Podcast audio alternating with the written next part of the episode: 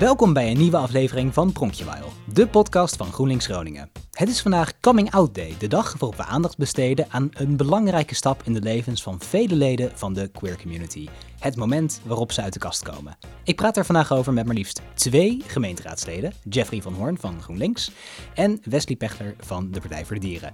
Uh, nou, welkom in de studio, die overigens ook uh, gewoon mijn woonkamer is. Uh, en fijne Coming Out Day, is dat iets wat mensen zeggen? Nou, het is altijd leuk om te horen. Ja, toch? Ja, ja, zo dacht ik ook. Um, nou, laten we even beginnen met een uh, kort voorstelrondje. Uh, nou ja, Wesley, uh, stel jezelf even voor, zou ik ja, zeggen. ik ben dus Wesley Pechler. Ik woon hier aan de rand van Groningen in Bijem, samen met mijn geadopteerde rescuehond Boy. kom oorspronkelijk uit Oost-Groningen. Um, daar woon ik tot mijn 18e. Ik ben nu 28 en ik zit nu alweer bijna vier jaar uh, in de gemeenteraad uh, voor de Partij voor de Dieren hier in Groningen. Daarnaast ben ik uh, copywriter en vertaler. En Jeffrey? Ah, Oké, nou, ik ben dus Jeffrey, raadslid voor GroenLinks. Inmiddels bijna drie jaar uit mijn hoofd.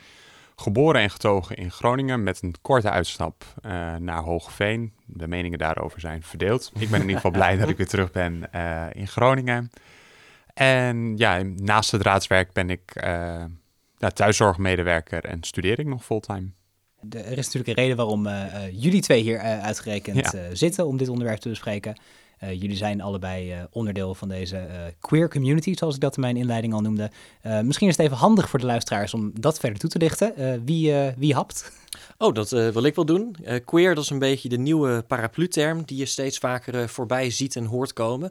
Want we hebben natuurlijk de algemene afkorting LHBTQIAP+. nou ja, die, al die letters die staan voor een identiteit, lesbisch, homo, biseksueel, transgender, aseksueel, intersex... Um, de P ben ik dan even kwijt. Panseksueel. Panseksueel, natuurlijk. En um, dan zijn we er nog één vergeten. Q.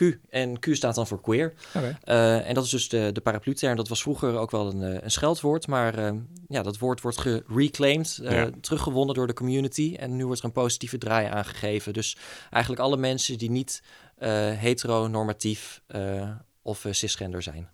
Uh, en we gaan het natuurlijk hebben over jullie eigen ervaringen. We gaan het hebben over uh, uh, hoe jullie ervaringen misschien verschillen van elkaar. Hoe het is om queer te zijn hier in Groningen en waar we misschien nog wat vooruitgang op kunnen boeken. Um, laten we gaan beginnen bij het concept van Coming Out Day. Want wat is daar precies, vinden jullie, het belang van? Uh, überhaupt denk ik het laten zien dat uit de kast komen, dus letterlijk de coming out, nog steeds iets is waar heel veel mensen doorheen moeten en tegenaan lopen. En ik denk ook dat bij uit de kast komen het belangrijk is om te realiseren dat dat niet iets is wat je eenmalig doet, uh, maar wat een heleboel mensen heel erg vaak moeten doen. De ene persoon moet dat minder vaak doen, vaker doen, maar het is niet iets wat je bijvoorbeeld zegt, nou nu ben ik 17 en ik kom uit de kast, het is gedaan. Maar het is voor heel veel mensen uh, onderdeel van hun leven. En ik denk dat een heleboel mensen die dat niet hoeven doen, dat niet weten dat dat zo is. En ik denk dat dat het grote belang is. Precies, want je ziet bij heteronormativiteit natuurlijk dat bij bijna alles in onze samenleving, als je het hebt over cultuur, over, uh, nou ja, als je bijvoorbeeld naar de arts gaat of uh, spreekt met de Belastingdienst, dan wordt er gewoon van je verwacht dat je, als je in een relatie zit, dat dat een hetero-relatie ja, is. Dat is wat heteronormativiteit is. Ja, precies. Ter toelichting. Ja. ja. en uh, nou ja, als je daar dus dan van afwijkt, ehm, dan moet je dat elke keer weer uitleggen. en dat kan kan vervelend zijn. Uh, voor mij is het zelf meestal geen probleem. Um, maar ik kan me ook wel voorstellen dat mensen daar ja, zich steeds het gevoel hebben dat ze zich moeten um, verontschuldigen of dat ze moeten uitleggen waarom ze um, afwijken van de norm. Ja, en dat is ook meteen wel een uh, goede wat Wesley daar aangeeft. Uh, kijk, ondanks dat wij allebei wel onderdeel zijn van de queer community, is het, wij kunnen ook, ook op het gebied van uit de kast komen, niet praten namens de uh, queer community, omdat het echt voor iedereen heel anders is. Ook hoe je het ervaart en in hoeverre het moeizaam is of niet moeizaam, is dat ook gewoon per persoon heel erg verschillend. En dat is denk ik ook iets wat wederom onbekend is. Ja, precies. Want nou maken we ontzettend veel ontwikkelingen door uh, qua uh, acceptatie van, uh, van de verschillende identiteiten die er natuurlijk zijn. En mensen die voelen zich steeds veiliger om zich te uiten. je zou dan de vraag kunnen stellen, is een coming out day, waarin je dus juist moet aangeven, ik, ben, ik, ik wijk af van die norm. Hè? is dat dan wel iets van deze tijd? Ja, ik denk absoluut nog wel. Uh, wat je zegt dat het steeds veiliger en geaccepteerder wordt, dat gaat denk ik zeker op voor Nederland als geheel. Maar er zijn nog zoveel gemeenschappen uh, en ook uh, regionen in ons land um, waar het echt een stuk minder geaccepteerd is. En het verschilt ook nog heel erg hoe je uit de kast komt. Want ik denk dat wij als homomannen, als ik dat zo mag zeggen, um, toch wel een relatief makkelijke coming out hebben vergeleken met bijvoorbeeld transpersonen of bipersonen. Want dat zijn toch identiteiten waar een stuk meer um, ja, ja, discriminatie uh, over bestaat. Uh, en ook die meer weerstand ondervinden uh, bij andere mensen, denk ik, als ze uit de kast komen. Ja, daar wil ik later ook zeker nog wat meer over hebben, want dat is zeker iets waar uh, ik denk dat als je kijkt naar waar er nog vooruitgang geboekt kan worden, ja. uh, uh, niet alleen op een, op een dag als vandaag, maar eigenlijk elke dag van het, van het jaar, waar heel veel op vooruitgang op te boeken is. maar misschien moeten we eerst eventjes iets kleiner beginnen. En dat is misschien, als jullie dat willen, jullie eigen coming-out verhaal zouden willen delen. Of we, en dan misschien kunnen we even vergelijken, kijken hoe ja. dat, of, dat, of jullie, uh, of jullie een beetje een puntentelling kijken. maar ja, zoek nee, de verschillen gaan. En dan kijken we gewoon zo meteen wie de hoogste score heeft ja, en daarmee Coming Out Day heeft gewonnen. nee, ik ga voor de douze point, maar uh, wie ja. bijt het spits af? uh, ja, ik wil wel beginnen. Oké, okay, Jeffrey. Um, het is denk ik ook wel goed om zeker ook bij het uit de kast komen dat er ook voorbeelden zoals ik net al zei, het is, het is voor iedereen anders en het is dus ook niet voor iedereen moeizaam. Dus ik zie mezelf altijd als een uh, voorbeeld waarbij eigenlijk alles heel makkelijk is gegaan. Uh, ik was 14 toen ik uit de kast kwam. Uh, niet helemaal bewust, want het stond in mijn dagboek en die las mijn moeder. Dus dat hele begrip privacy en dergelijke, daar moeten we altijd nog wel even een keer goed over. Je had er niet echt een keuze in wat dat nee. betreft. Dus mijn moeder die, nou, die vroeg daar gewoon op een gegeven moment naar. En vanaf daar ging de bal echt heel snel rollen. Dus ik was ook nou, ik denk dat mijn moeder het wist, eh, omdat ze het gelezen had. En binnen een paar maanden wist de hele school het, al mijn vrienden. En ik heb uh, eigenlijk nooit een negatieve reactie gehad. En ik zat ook op een hele prettige middelbare school daartoe. En uh, natuurlijk waren er wel eens dingetjes. Maar als het hele uit de kast komen en het homo zijn, heb ik nooit als een uh, groot probleem ervaren. Heb je het wel bijvoorbeeld als een probleem ervaren dat jij niet een, een eigen regie hebt mogen hebben op hoe je dit aanpakte? Want je hebt het toch in zekere zin, nou ja, door uh, laten we het maar even heel bruut een privacy schending noemen, uh, uh, is dit nou ja, naar buiten gekomen. Is dat hoe je het zelf had, voor je had gezien? Had jij toen der tijd misschien al een plan over hoe je het zelf zou willen doen? Weet ik eigenlijk niet eens zo goed meer. Om, ik was dus ook best wel jong en ik heb het ook nooit als een hele grote hindernis ervaren. omdat ik wist dat ik in een vrij open-minded en tolerante omgeving zat. Dus ik denk ook dat er iets in de strekking stond in mijn dagboek dat ik graag uit de kast uh, wilde komen. Niet dat ik hele twijfels had besproken of zo, maar dat ik gewoon heel duidelijk en stellig al beschreef dat ik dit graag wilde vertellen. Uh, dus het heeft voor mij niet heel erg veel uh, veranderd. Dus ook in het, dat ik de eigen regie niet had. Nu je het zo zegt, denk ik, oh ja, dat is wel zo. Maar zo heb ik het niet ervaren. Nou, dat is in ieder geval fijn dan. Ja. Want dus, dus eigenlijk zou je het kunnen hebben over een soort vlekkeloze coming out, wat dat betreft. Of binnen de kaders uh, ja. van vlekkeloos. Want dit was mijn, wat ik net ook al zei, dit was mijn eerste grote coming out. Maar het is iets wat terug blijft te komen. En zeker nu ik 31 of niet ben, maar um, moet ik nog steeds af en toe uit de kast komen. Omdat wat Wesley net ook al benoemde, het hele concept van heteronormatief. Alles is erop gericht dat ik hetero zou zijn. Dus op het moment dat dat een situatie opwerpt, moet ik altijd die situatie corrigeren. En ook dat is uit de kast komen. En dat gebeurt nog steeds. Ben je dat niet echt helemaal beu? Uh, ja en nee. Ik denk dat ik het idealistisch gezien beu ben, maar ik weet ook niet beter. Dus ik kan er soms ook echt de lol wel van inzien hoor. Als je dan met mensen aan het praten bent, heb je ook een vriendin? Nee. Ah, oké. Okay. Nog niet de juiste persoon tegengekomen? Nee. Oh, ja. En dat je ze dan ziet kijken en dat ik denk, ja, uh, sorry, ik ga niet altijd al het werk doen hoor. Ik weet wat je wilt vragen. Stel de vraag maar gewoon. ja. Ik vind het wel best. Dus nee, ik kan de humor er wel redelijk van inzien. Maar dat is echt niet voor iedereen uh, zo makkelijk. Nee. Je zegt dat heel, uh, heel hard. Nou ja, omdat ik me dat goed kan voorstellen dat het voor andere mensen niet zo makkelijk is. Want wat ik denk dat heel erg belangrijk is om te beseffen, is dat er voorafgaand aan een coming out nog een heel proces is van uh, intern besef en acceptatie van je uh, geaardheid, je genderidentiteit. En bij mij was dat, net als bij Jeffrey, gewoon uh, ja, wel vlekkeloos, geen hindernis. Ook omdat ik op de basisschool in de jaren negentig al een open gay docent had. Die gingen we, daar mochten we ook als klas een keer mee naar zijn huis en hebben we zijn vriend ontmoet. Nou, dat was dan in Winschoten eind jaren negentig op een christelijke basisschool. Vervolgens had ik op de middelbare school ook een openlijk gay docent. Dus Ehm, die omgeving, plus dat thuis ook altijd werd gezegd: het maakt ons niet uit met wie je thuis komt, zolang je maar gelukkig bent. Dat zorgde er ook voor dat ik nooit heel erg met mezelf in de knoop heb gezeten. Maar je hebt zoveel mensen bij wie de situatie echt het tegenovergestelde is. En die dus ook nog uh, nou ja, door een periode van zelfhaat, geïnternaliseerde homofobie moeten. Uh, voor zij vervolgens zichzelf kunnen accepteren voor wie zij zijn. Spreek, spreken jullie wel zulke mensen? Ja. Ja, helaas wel, ja. Ja, en bij ons is Coming Out Day dan misschien ook wel eerder wat feestelijks. Gewoon vanuit je de trots uh, op je identiteit. Maar voor andere mensen is het inderdaad vooral gewoon een, een drempel en iets pijnlijks. Ja, ja en het is ook in. Het is, het is voor mij. Uh, net als uit de kast komen zelf, is die coming out day dus ook echt iets wat dus niet voor iedereen hetzelfde hoeft te zijn, terwijl het wel voor iedereen belangrijk is. En het is dus ook voor uh, hetero's heel belangrijk, omdat tot nu toe is het altijd de gedachtegang dat niet-hetero's uh, komen uit de kast. En dat, wat je eerder vraag was ook van, ah, is het in deze tijd uh, nog wel nodig? En zo'n hetero coming out dag. En niet omdat je dat zelf niet vindt, hoor, daar niet van. Maar het is nog steeds nodig eh, om, zolang iemand het uit de kast moet komen, zeg maar.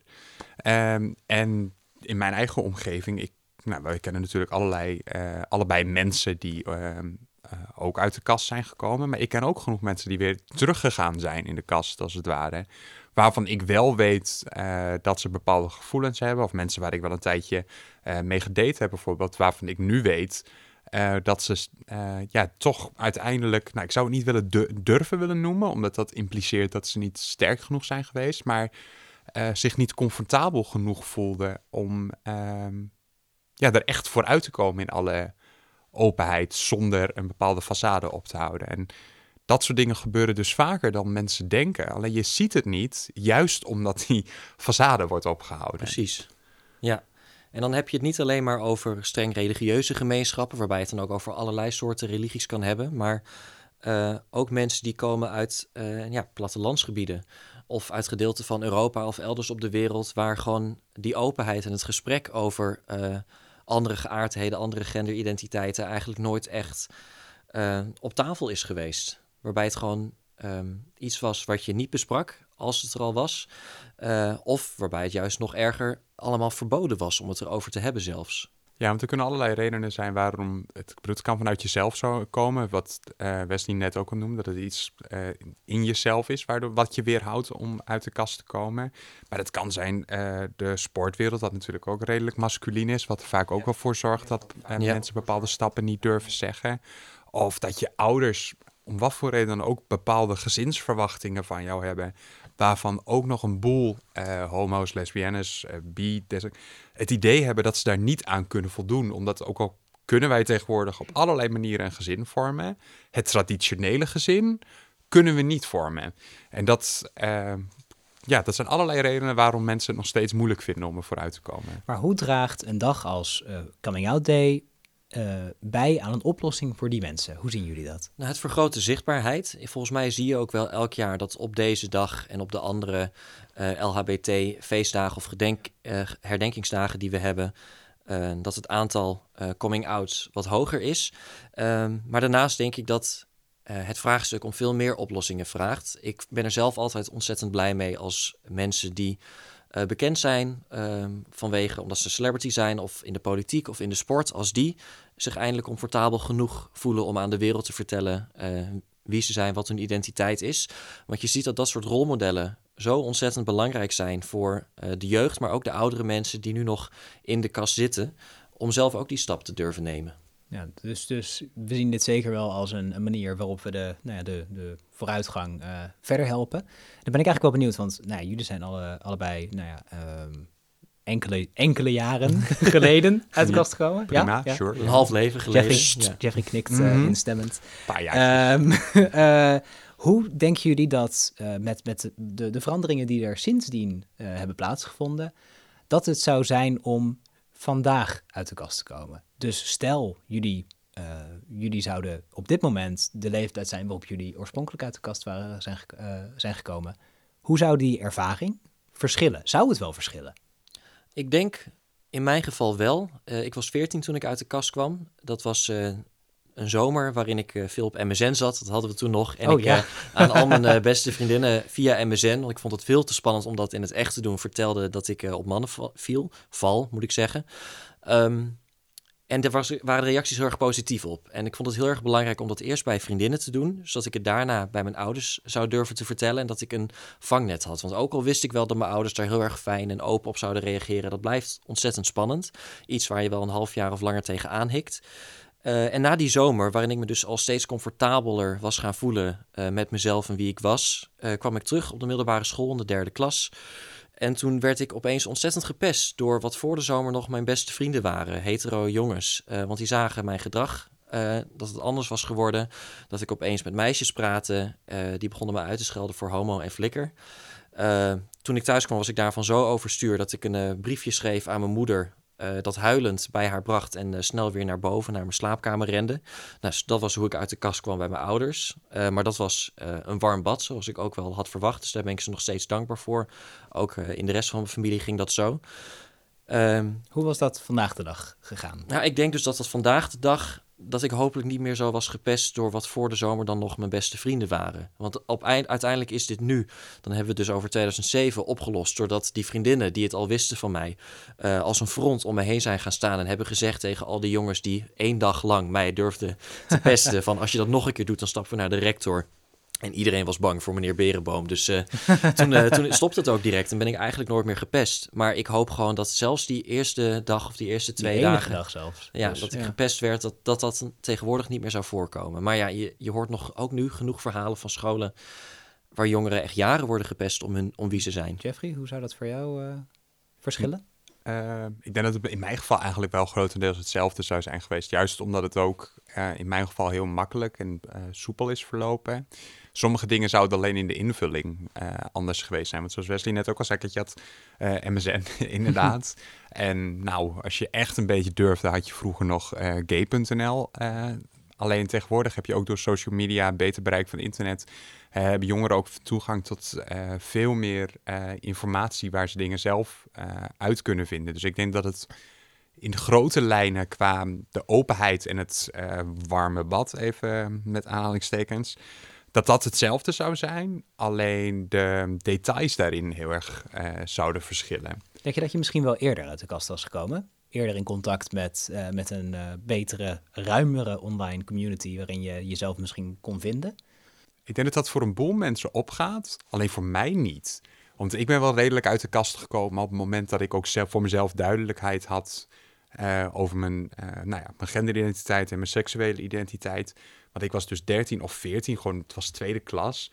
Daarvoor had ik, ja, ik had het ongetwijfeld, uh, seksuele identiteit. Maar ik was daar niet mee bezig. Dus het, het had ook niet eerder gekund, in mijn geval. Maar ik denk dat het voor veel mensen wel helpt om meer uit de kast te komen, omdat er meer toegankelijk is over wat mogelijk is. Alleen het maakt het ook uh, misschien zelfs weer voor sommige mensen lastiger, omdat de informatie is wel heel uh, moeilijk te filteren. En het is niet allemaal bedoeld voor jongeren die aan het zoeken zijn naar zichzelf. Dus het maakt onze community uh, in die zin soms ook kwetsbaar en in sommige excessen ook, nou ja, denk giftig. Ik denk dat dat wel een. Goed begrip daar is. Kijk, en ik kan dan alleen maar praten over de uh, man zoekt man community natuurlijk, want dat is waar ik mezelf in bevind. Dus ik weet ook niet of dat voor andere uh, mensen binnen de queer community het ander, anders is. Maar... Ik vind dit inderdaad wel even een goed moment om misschien even wat, wat verder uit te zoomen. We hebben het er namelijk net al een beetje over gehad uh, dat nou ja, jullie ervaring, hoe positief die natuurlijk ook is geweest en hoe nou ja, gemakkelijk misschien wel te noemen, dat dat zeker niet voor iedereen geldt. Er zijn heel veel verschillende identiteiten. Waarin je dus nog een, uit de kast moet komen, waar je een coming-out voor moet hebben.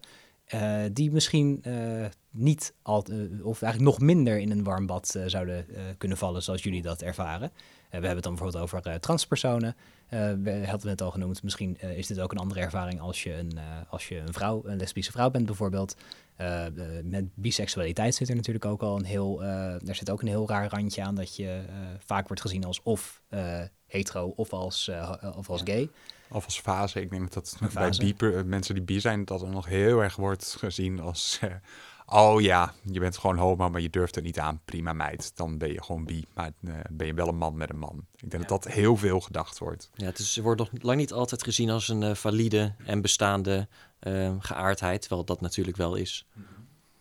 Maar ik denk vooral wat je net noemde, transpersonen. Ik bedoel, als wij als homo-mannen uit de kast komen en de reactie is goed, dan ben je in principe gewoon klaar. Terwijl je als transpersoon uit de kast komt en zelfs al heb je dan wat betreft de wieg uh, waarin je bent geboren, de lotto gewonnen, heb je een fijn gezin dat er helemaal voor je is, een omgeving die je steunt, dan moet je alsnog die afschuwelijke bureaucratische procedure in van Nederland om daadwerkelijk um, die transitie in te kunnen gaan um, naar je daadwerkelijke gender. En dan heb je het in Nederland over een wachtlijst van jaren, over heel veel hobbels en obstakels, uh, maar een paar ziekenhuizen waar je terecht kan. Um, en als je een beetje pech hebt, dan kan je die stappen die je zo graag wil zetten, gewoon niet zetten voor je puberteit. En dan ontwikkelen er zich al allemaal fysieke kenmerken die je eigenlijk liever nooit bij jezelf had gezien. Dus daar is ook wel echt een taak voor, nou ja, niet ons als gemeenteraad, maar wel voor de politiek weggelegd. Om daar die obstakels en hordes weg te nemen. En het om, om het voor jonge, maar ook oudere transpersonen die uit de kast komen, echt makkelijker te maken om in transitie te gaan. Nou, ik, vind, ik vind dat inderdaad wel iets interessants om misschien uh, vandaag juist even bij stil te staan dat dus voor heel veel mensen is, is een coming out, is, dat is het obstakel. Maar voor transpersonen, zoals jij nu omschrijft, is het eigenlijk uh, de drempel pas over. En, uh, of eigenlijk de eerste horde op een hele hordenrace. Ja. Uh, dat is, ja, wat... Denken wij althans, hè. het, er ligt hier op de loer dat wij, tenminste, laat ik in ieder geval even voor mezelf praten. Um, ik ben een witte, hoogopgeleide man die toevallig homo is. Dus ik ben inderdaad in die zin een minderheid. Alleen ik heb veel meer privileges uh, dan dat ik nadelen heb. Dus uh, ik kan voorzichtige inschattingen doen over hoe het is voor transpersonen. Maar ik wil daar ook wel terughoudend in zijn, omdat ik weet niet wat hun ervaringen zijn, want eh, ik heb de luxe gehad daar niet doorheen te hoeven. Dus daar zit wel een soort uh, sterretje bij, zeg maar. Ja. Dat het nee, nou hun verhaal is vanuit het perspectief van ook zeker uh, hoogopgeleide homo-mannen. Ja, nou ja, we weten het inderdaad niet uit, uh, uit first-hand experience, uit eigen ervaring, maar we hebben natuurlijk wel trans vrienden en kennissen waarvan we die verhalen dan horen. Dus ik hoop dat ik ze dan ook hun, hun ja, verhaal, hun identiteit eer aan doe als ik hier zeg dat het gewoon echt een, een, ja, een moeilijke struggle is, een, een moeilijke reis door de Nederlandse bureaucratie en het ziekenhuiswezen. Dit is misschien ook een goed moment om weer even een klein stukje verder in te zoomen. Uh, want we uh, hebben het gehad over allerlei verschillende groepen. Uh, maar laten we het nu even wat meer hebben over één plek. En dat is hier in Groningen. Hoe is het, in jullie ervaring en de ervaringen die jullie misschien meekrijgen, om queer te zijn in Groningen? Ik denk over het algemeen goed. Ehm, maar er zijn uitzonderingen. Uh, er zijn incidenten, um, wat niet goed is. En het zit hem ook grotendeels, denk ik, in je uh, eigen mate van gemak waarmee je over straat kan. Uh, dus als ik moet zeggen, of heb ik ooit last gehad van het feit dat ik queer ben in Groningen? Nee. Maar voel ik me altijd overal en bij iedereen op mijn gemak? Is het antwoord ook nee. Dus dan denk ik wel dat daar nog zeker een slag te winnen is. Uh, omdat ik, en dat is denk ik ook wat ik eerder bedoelde en Wesley ook, met het opnieuw uit de kast komen. Ik ben me altijd, be nou, altijd is groot, maar ja, wel bijna altijd bewust van het feit uh, dat ik vaak niet ben zoals de andere mensen in een ruimte of op straat of in een gelegenheid. En daar manage ik te vaak ook nog mijn gedrag op. Um, dat is denk ik niet exemplarisch voor Groningen, maar meer iets universeels. Maar dat zijn wel dingen die ook uh, spelen en waar be wat beter kan. Wesley, hoe uh, ervaar jij dat? Eigenlijk uh, net zo. Ik heb nooit het gevoel gehad hier dat ik um, niet veilig ben, maar ik ben niet altijd even comfortabel. En ik denk wat daar een, een, goed voorbeeld van is, is het uitgaansleven. we hebben nog maar twee LHBT, QIA plus horeca gelegenheden hier in de stad. En bij alle andere tenten waar je komt, dan durf je eigenlijk niet een leuke jongen aan te spreken of vragen of iemand wil dansen of te flirten. Terwijl dat natuurlijk tijdens het uitgaan, uh, als je het op een normale en niet uh, grensoverschrijdende manier doet, um, wel een beetje erbij hoort, flirten.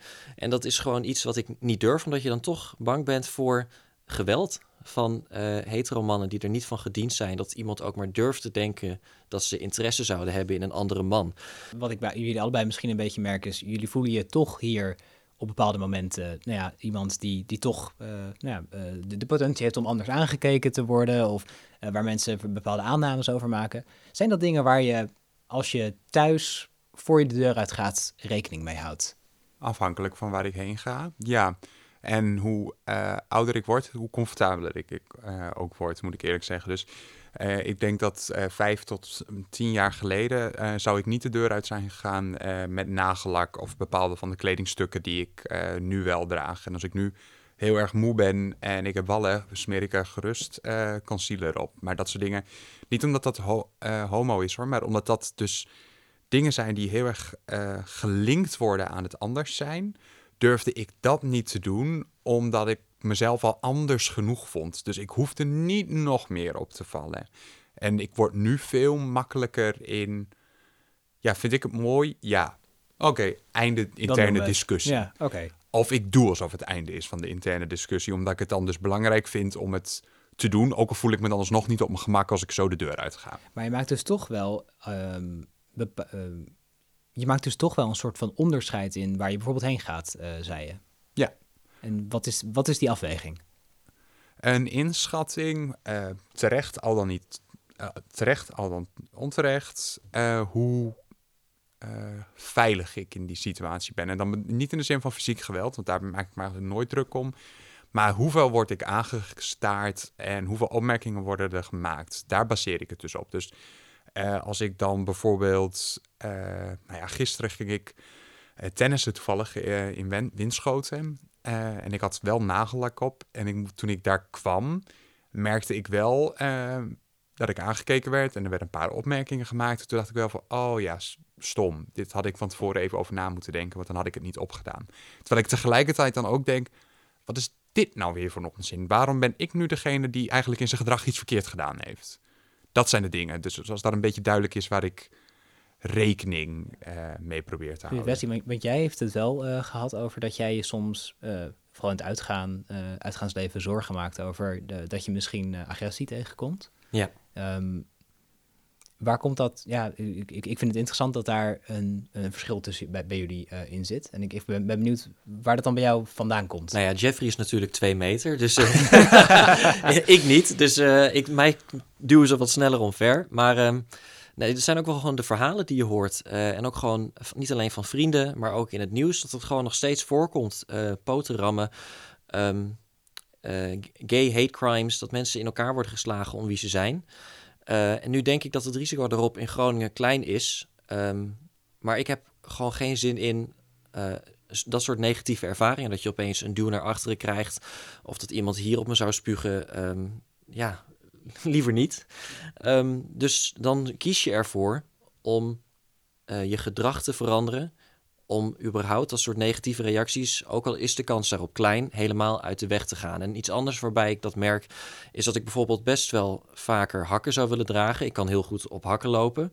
Um, maar dan maak je eigenlijk van elke dag een soort gevecht, een struggle, want je weet dat mensen naar je gaan kijken, staren, wijzen, praten. En dan denk je, ik heb daar vandaag geen zin in en geen energie voor, dus ik doe het niet. Ik kan me voorstellen dat je, je zou dat doen omdat je je er prettig in voelt, maar dat dat dan, het is een soort paradox, hè? Want je zou dan, als je zo over straat gaat, zou je je juist onprettig voelen, Precies. omdat je iets doet wat je, je, waardoor je je prettiger voelt. Ja.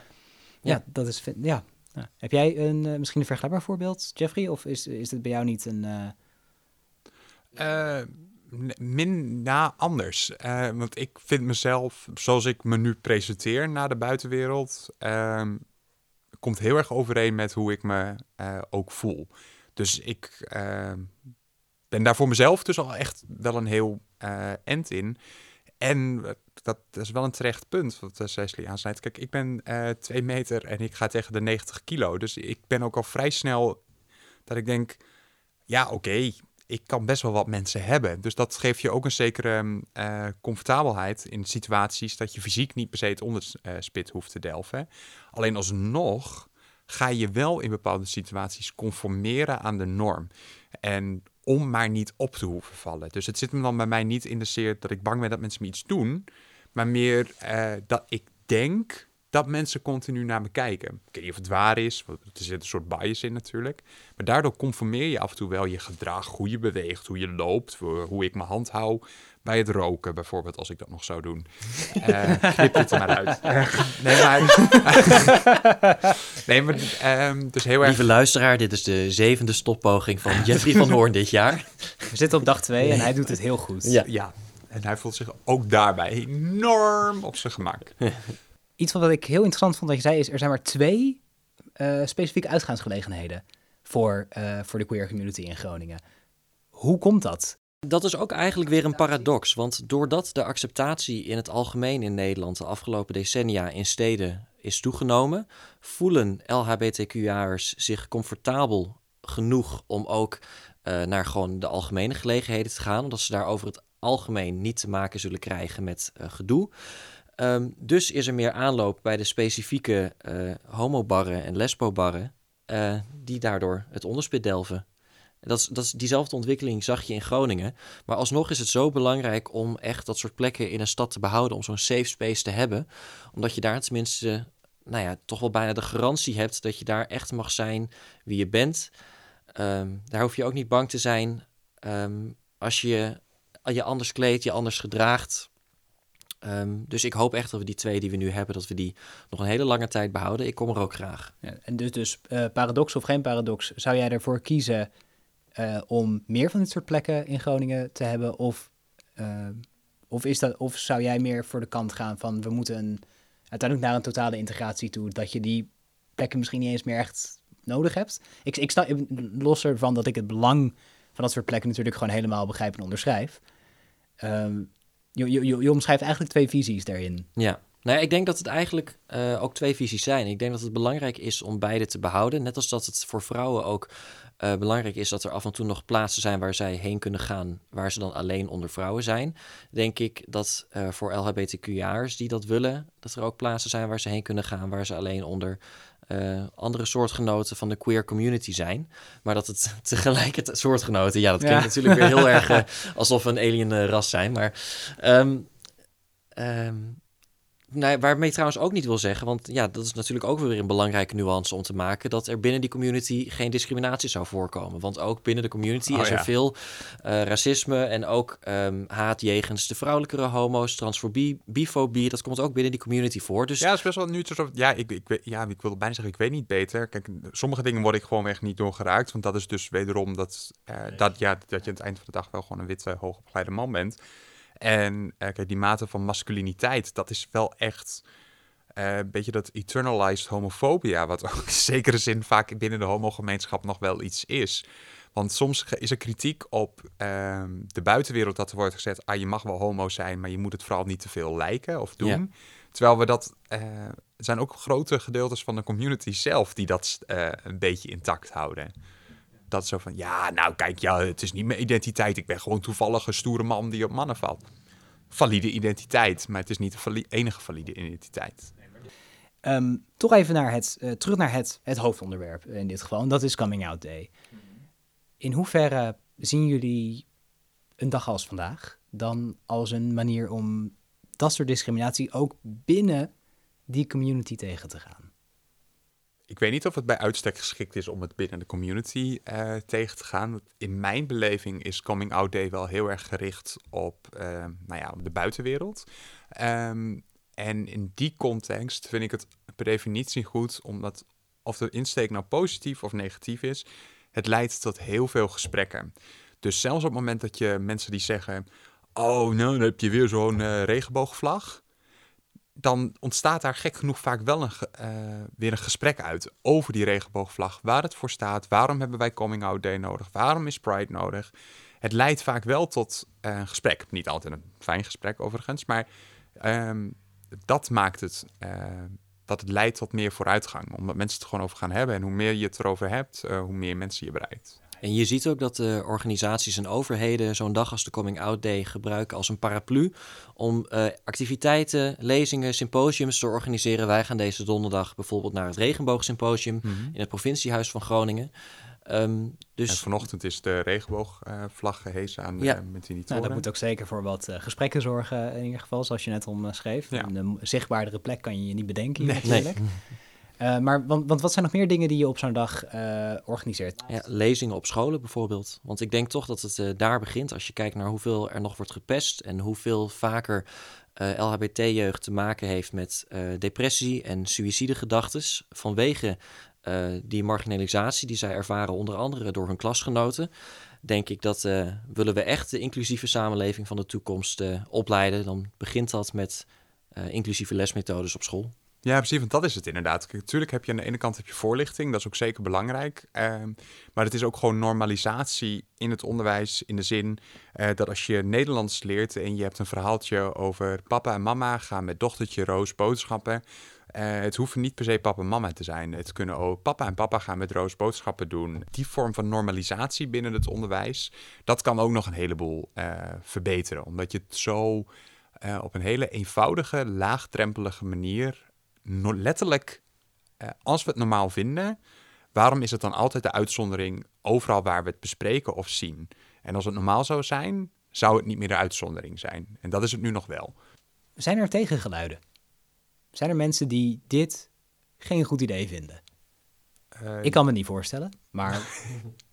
nee, nou, ik kan, ik kan me zo spreken ook niet voorstellen. Maar ja, dat is er zeker wel. Uh, er zijn een uh, best wel in toenemende mate uh, geluiden tegen het, nou ja, het, monster van wokeness. Die term heb ik ook al vaak voorbij zien komen. En dat gaat in zekere zin ook wel richting uh, onze gemeenschap of mensen voor de LGBTQIAP plus community.